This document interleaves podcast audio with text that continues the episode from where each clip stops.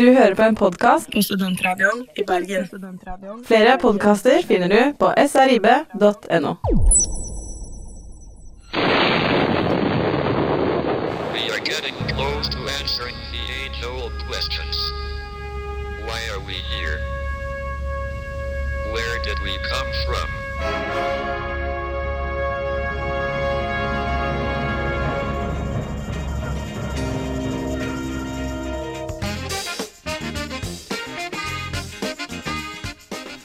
God dag, du hører på Soft Science på Studentradioen i Bergen, og jeg er Håkon Sætne. Jeg er Joakim Irøp. I dag skal vi snakke litt om konformitet, og hvorfor mennesker ønsker å være konforme. Ja, og litt sånn sosialvitenskap eh, generelt. Ja, Litt sånn grunnleggende forskjellige mekanismer i sosialvitenskap og sånn. ja vi skal blant annet høre om eh, Milgram-eksperimentet. Ja, kanskje psykologiens mest kjente eksperiment noensinne. Noe kontrovers kontroversielt, men uh, hva gjør vel det? Det er jo å skape vår litt spenning i hverdagen. Ja, det er jo litt uh, kontroversielt uh, fordi det ikke er en veldig, hva kan man si, behagelig sannhet. Nei, men uh, dog en sannhet jeg syns vi burde tåle å høre og akseptere. Klart, den er viktig. Men uh, ja. Og hvis du vil eh, høre mer om hva vi snakker om, så må du fortsette å høre på Soft Science her på Studentradioen. Ja, og jeg syns at uh, folk som ikke aksepterer den mørke sannheten om menneskeheten, kan vokse opp og snakker om det. Danny Brown skal synge låta 'Grown Up'.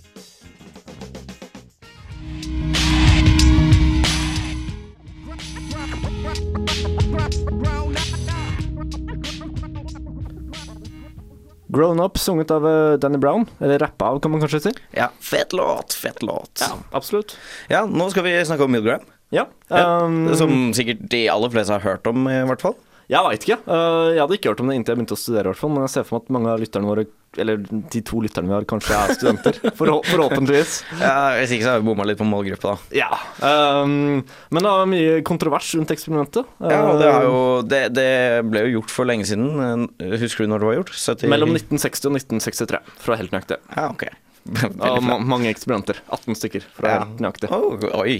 Ja, nei, det, det ble litt i blessen igjen, eh, fordi NRK sendte en fransk eh, hva kan man si, dokumentar hvor de gjorde om det eksperimentet til et gameshow. da. Eh, som ble tatt opp på X-Fill-seminaret mitt, liksom. Det, så det har kommet litt opp i blest igjen. Uh, det er veldig interessant. Jeg tror Ja. de aller fleste har interesse av å, å høre på vårt Milgram-innslag. Ja, uh, det franske showet tok jo, var egentlig en ganske nøyaktig ja, Ikke helt, da, men uh, det var som en kopi av Milgram-eksperimentet, kun at det var en, uh, en gameshow isteden. da. Ja, det var kanskje litt flere variabler, da, men uh, Milgram-eksperimentene var så godt gjennomført fra før av at, eh, at det, det var greit, på en måte. Mm. Men uh, de som ikke tåler å høre den mørke sannheten om menneskeheten, lukk ørene, for nå kommer uh, innslaget om Milgram.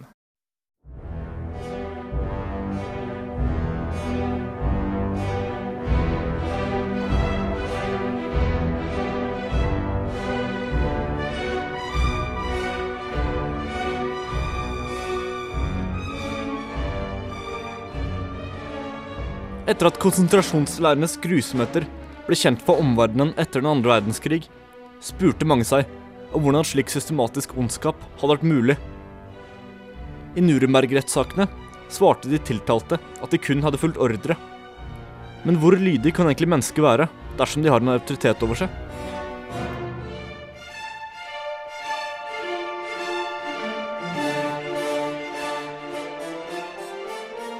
Stanley Milgram var blant de som stilte dette spørsmålet. Mellom 1960 og 1963 utførte han 18 eksperimenter, kjent som Milgram-eksperimentene. Jeg skal ta for meg ett av de nå. 40 menn mellom 20 og 50 år med ulik bakgrunn deltok i eksperimentet. De ble fortalt at eksperimentet gikk ut på hva slags effekt straff har på læring. En deltaker skulle stille spørsmål, mens den andre skulle svare. Dersom svaret var feil, skulle den som svarte, straffes med et støt som økte styrke for hver gang. Da eksperimentet begynte, møtte de en annen mann som ga seg ut for å være en annen deltaker.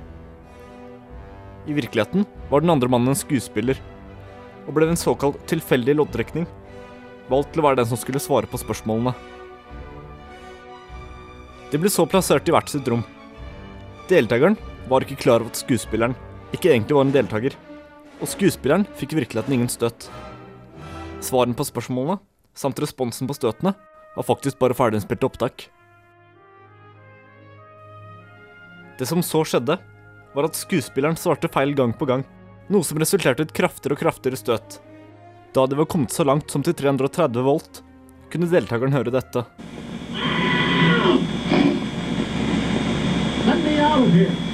Let me out of here. My heart's bothering me. Let me out. Let me out. Let me out of here. You have no right to hold me here. Let me out. Let me out. Let me out. Excellent. Let Fast. me out. Let me out. Tilnærmet lik alle deltakerne protesterte. Men hva var responsen på det? The experiment requires that you continue teaching. Yeah, but uh, I'm not going to get that man sick of that. I mean, he's hollering in there. You know what I mean? I mean, Whether the learner likes it or not, we must go on until he's learned all the word uh, I refuse to take the responsibility of getting hurt in there. Men det ble hele tiden fortalt at eksperimentet krevde at de fortsatte.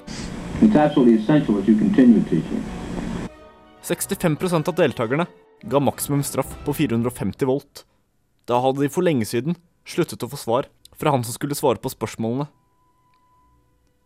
Med andre ord, hadde eksperimentet faktisk vært slik deltakerne ble fortalt at det var, ville de ha drept den andre deltakeren. Alt på grunn av at det ble fortalt at eksperimentet krevde det. Ville du trykka på knappen, Håkon? Nei, ville du? Nei. Du liker kanskje å tro det?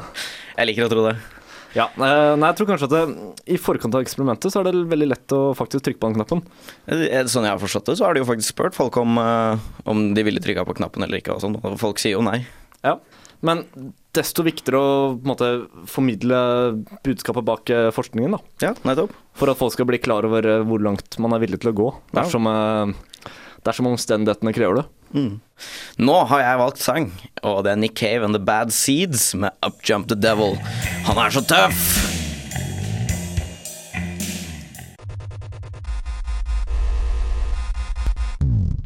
Du hører på en podkast fra Studentradioen i Bergen. Fra Studentradioen i Bergen. Fra Studentradioen i Bergen. Flere podkaster finner du på srib.no. han er så tøff. Han er så tøff. Det var Nick Seed Nick, Nick- Cave and the Bad Seeds, mener jeg. Uh, Upjumped Devil. Han er veldig tøff. Uh, noe annet tøft. Uh, Sosialpsykologi. Du skal fortelle meg og lytterne våre om sosialpsykologi, skal du ikke det? jo, det er litt sånn, litt sånn grunnleggende mekanismer bak hvordan vi, hvordan vi mennesker oppfører oss og tenker om hverandre. Da. For det er et eget felt innen psykologien. Um, og da har de uh, forskjellige sånne navn på forskjellige um, spesifikke mekanismer. Og numero uno er eh, ev evaluation apprehension, heter det. Som er hva for noe? Det er um, at hvis du blir sett på av noen andre, altså hvis du skal løse en oppgave og noen andre er der, eller ser på deg, så øker den dominante responsen på en oppgave. Ok. ja. Kan du forklare det for en uh, vanlig person? Ja. Eh, det betyr at den dominante responsen, det er den typiske responsen. da. Så hvis det er en vanskelig oppgave, f.eks. vanskelig matteoppgave, da, så er den dominante responsen, det, det er jo da at du sliter med den fordi det er vanskelig. Så det vil Hvis noen andre ser på deg, så vil det øke sannsynligheten for at du gjør det dårlig på en vanskelig oppgave, da. Slik at hvis vi faktisk har lyttere, så vil vi gjøre det dårligere? er det det du prøver å si? Uh, hvis vi faktisk ja, litt, ja, Det kommer an på om vi syns at dette er Altså, hva er den dominante responsen i, hvis du er på radio? Uh, jeg vet ikke om jeg skjønte spørsmålet. Nei, uansett. Neste, neste mekanisme heter eh, the foot in the door phenomenon. Ok, Det er litt selvforklarende, virker det som. Ja, det, det betyr det at uh, hvis du øker noe gradvis, da, så er det større sjanse for at eh, vedkommende blir det. Så vi kan ha et lite rollespill her. Ja. Jeg skal selge deg en bil, Håkon. Ja, kjør på. Uh, jeg har en bil til deg, Håkon. Å, hvor mye koster den? 100 000 kroner. Ja, ja, ok, greit. Det er greit? Ja, akkurat så mye penger, så det passer bra. Det er egentlig et veldig godt tilbud, for den koster sånn mye mer, så jeg går og snakker med manageren. Jeg. Ja, ja, ja, ta den tida du trenger. Jeg snakka med manageren, det koster 120 000 kroner. Er det greit, eller? Ja, jeg har jo så lyst på den bilen at det, det, det går greit, selv om jeg egentlig ikke har penger til det. Nettopp. Der har du, der har du kjernen i det. Eh, Hvis du øker det gradvis, Ja. så er det større sjanse for at eh, vedkommende går med på det. Da. Ja. Eh, og det kan jo knyttes opp til, eh, til andre ting som vi kommer inn på litt senere. Eh, litt sånn store ting som Nazi-Tyskland og sånne ting. Eh, videre, fundamental attribution error. Ok, fortell. Eh, det er et eh, vestlig fenomen, stort sett. Fordi eh, du har to store forskjellige typer samfunn. Da. Det er det individualistiske og det kollektivistiske. Vi er individualister her i, i Vesten. Vi tror på personlighet og personlig oppnåelse og sånn. eh, mens i hesten så har du mye mer tilknytning til gruppen din, da. Det kollektivets beste. Ja, så Hvis du spør en, en fra Asia om hvem personen er, så vil han mest sannsynlig dra inn liksom hvilken gruppe han føler seg knyttet til, av landsbyen eller fotballaget eller whatever. Ja. Mens her i Vesten så drar vi frem sånn Nei, jeg er en ansvarlig eh, fyr som er, liker humor og så videre og så videre. Ja, visste du, visste du det at uh, minnet vårt er utvikla forskjellig også? At uh, vestlige mennesker de har mer minner som er fra barndommen, som går med på egne prestasjoner, mens eh, østlige barn, asiatiske barn, har mer sånne um, hva skal jeg si, gruppeminner. Ja, der ser du det. Det er veldig morsomt. Ja, det er gøy. Um, og det det, det det basically betyr, dette uh, fundamental attribution error, er at vi i Vesten tillegger mye større uh, ansvar, ansvar da, på, på personen. Fordi vi tror at personen er ansvarlig for måten vedkommende har oppført seg på. Mens i Østen så legger de mye større uh, vekt på kontekst, da. Altså at det var miljøet som fikk vedkommende til å handle sånn. Mm. Det er veldig vanskelig å ha noe svar på det, egentlig. Det, det går kanskje mye på filosofi òg. Ja, men det kommer vi litt eh, til etterpå, eh, fordi forskning tyder jo på en spesifikk retning, nå. Ja, det gleder jeg meg til å høre. Ja, eh, Videre så har du prosjektering, hvor du da det, Dette er jo noe som Freud eh, var veldig glad i, og sånn da. Hvor du eh, prosjekterer problemene dine på noen andre. Da. Så hvis noen skal gjøre noe ondt, da, så er det veldig typisk at uh, torturisten uh, prosjekterer at uh, vedkommende var ond og, og fortjente det. Men kan man også da, i forbindelse med pros prosjektering, snakke om at når man ser andres egenskaper, så ser man egentlig bare sine egne, egne egenskaper? Ja, det kommer an på det. Det er, det er vel kanskje en selvforsvarsmekanisme, da. Hvor i veldig sånn pressede situasjoner, for du hadde jo fått forferdelig dårlig samvittighet hvis du hadde torturert noen Ja. uten grunn. Um, men videre så har du da ansvarsfordeling og social loafing. Ja, um, fortell.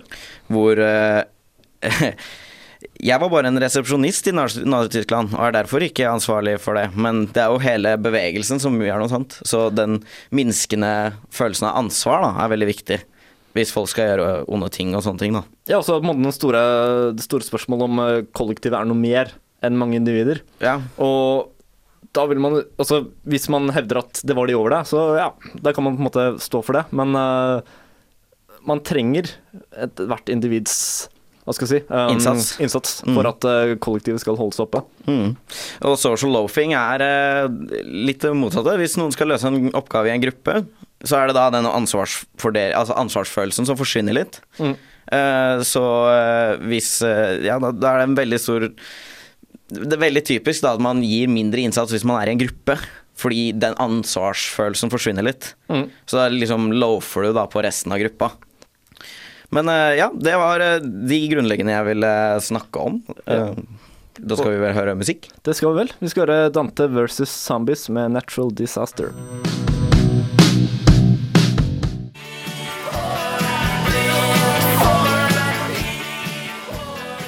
Dante versus Zombies med Natural Disaster. Ja, og da er mine venner er vi klare for Sensasjon. Sensasjon.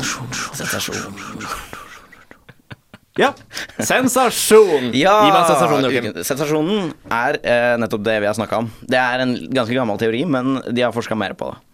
Og det er sånn at kontekst har veldig mye å si for hvordan du oppfører deg. Ja. Det har eh, veldig, veldig mye å si eh, for hvordan du oppfører deg, og det er derfor folk kan gjøre Altså vanlige folk kan gjøre on- onde ting, da.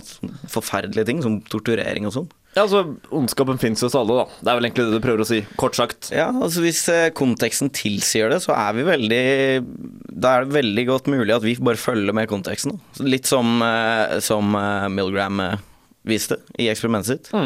Og det er et veldig, et veldig kjent annet eksperiment i psykologien som veldig, veldig mange har hørt om. Uh, Zimbardos uh, fengselseksperiment. Okay. Stanford Prison Experiment. Ja, ja. Alle har hørt om det. Ja, han var jo på Zimbardo var jo på Skavlan til og med Ja. og snakka om det. Og da, da viser det nettopp at eh, konteksten er veldig viktig da, for hvordan du oppfører deg. Og spesielt i sånne situasjoner som i Sanford eh, Prison Experiment, hvor du ble delt inn i to veldig tydelige grupper. da. Og det er det mange andre eksperimenter som har vist òg. Så sensasjonen er eh, rett og slett at eh, forskning viser at kontekst er ekstremt viktig. Ja, og vi går videre til uh, Sigurd Ros med en låt jeg ikke klarer helt å uttale. Kan jeg prøve? Du kan prøve. Eh, fra albumet Val Valtari. Eh, Rembi Hunutur. Ja, noe sant nå. Vi kjører på.